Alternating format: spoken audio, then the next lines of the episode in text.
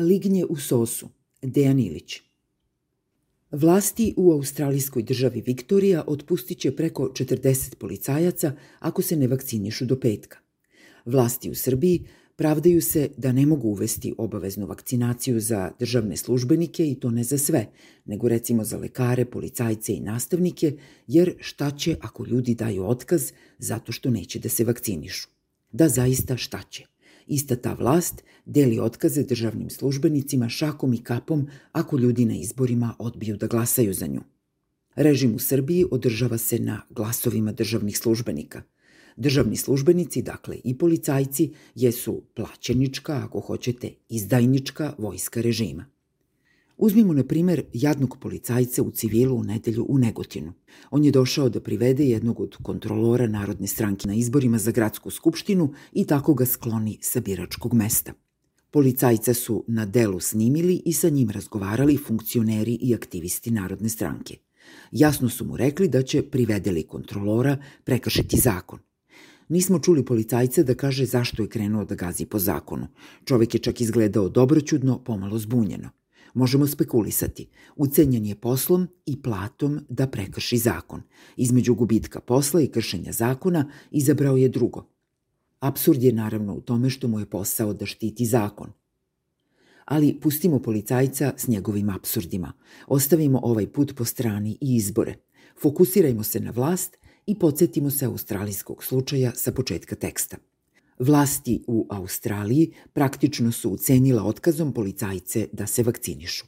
Opravdanje za ucenu je tako jako da ucena u stvari uopšte nije prikladna reč na ovom mestu. Vakcinacijom se štite i životi policajaca i životi ostalih žitelja Australije. Vlasti u Srbiji ucenjuju policajce i navode ih da krše zakon. Ucena ili pretnja ovde jesu prikladne reči jer se ucenom brani jedino život režima, svi ostali su ugroženi. Zamislimo sada da je policajac u Negotinu odbio da privede kontrolora. Da li bi dobio otkaz ili bi ga premestili na lošije plaćeni posao. Sva je prilika da policajac čvrsto veruje da bi trpeo neku vrstu odmazde. Kada se policajcima zadaju nepristojni zadaci, niko iz režima ni ne posumnja da će morati da deli otkaze neposlušnima.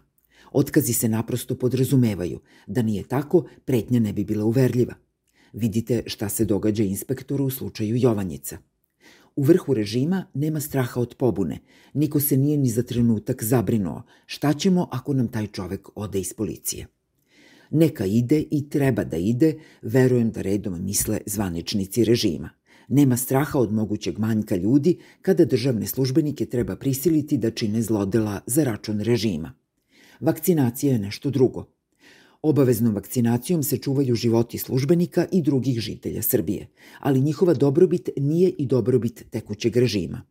Režim nehaje za živote i zdravlje ljudi u Srbiji.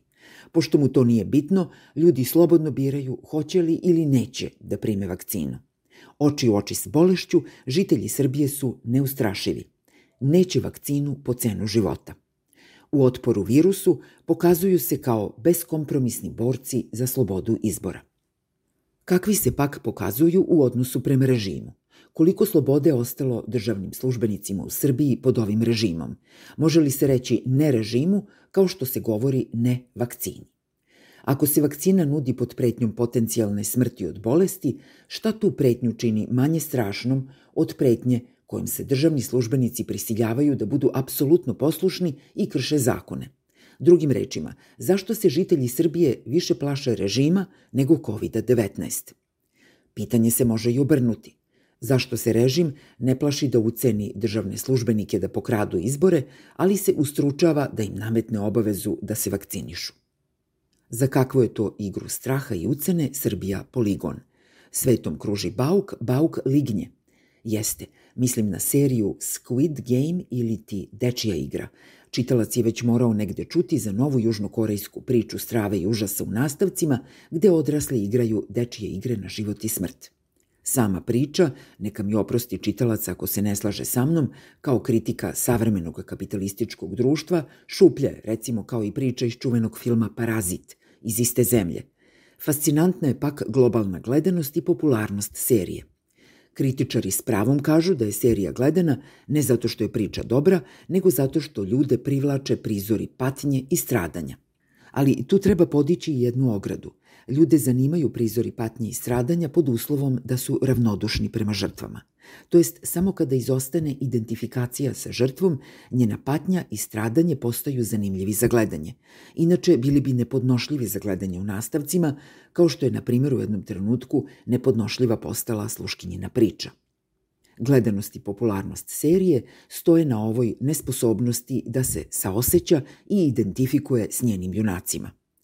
Što bi onda moglo da znači da su stvari globalno još gore nego što na to ukazuju kritičari. Na zapadu već kreće moralna panika. Škole od roditelja traže da deci zabrane da gledaju seriju, umesto da o njenim slabostima s decom razgovaraju u školi. Ali pustimo škole na zapadu da bismo primetili kako se žitelji Srbije ponašaju kao gledaoci serije. Političku borbu oni vide kao dečiju igru odraslih na život i smrt. I pošto je na život i smrt, u toj igri borbi, veruju gledaoci, sve je dozvoljeno – Analogno, i borbu protiv zaraze oni vide kao igru, na život i smrt. I u toj igri borbi sve je dozvoljeno, pa i to da se iz neznanja umre. I prema toj drugoj igri oni se postavljaju kao i prema prvoj, kao puki posmatrači. Kao da ih se ni jedno ni drugo egzistencijalno ne tiče, ravnodušni ne prema protagonistima igre, nego prema samima sebi. Čitava Srbija kao šerpica punjenih lignji u sosu.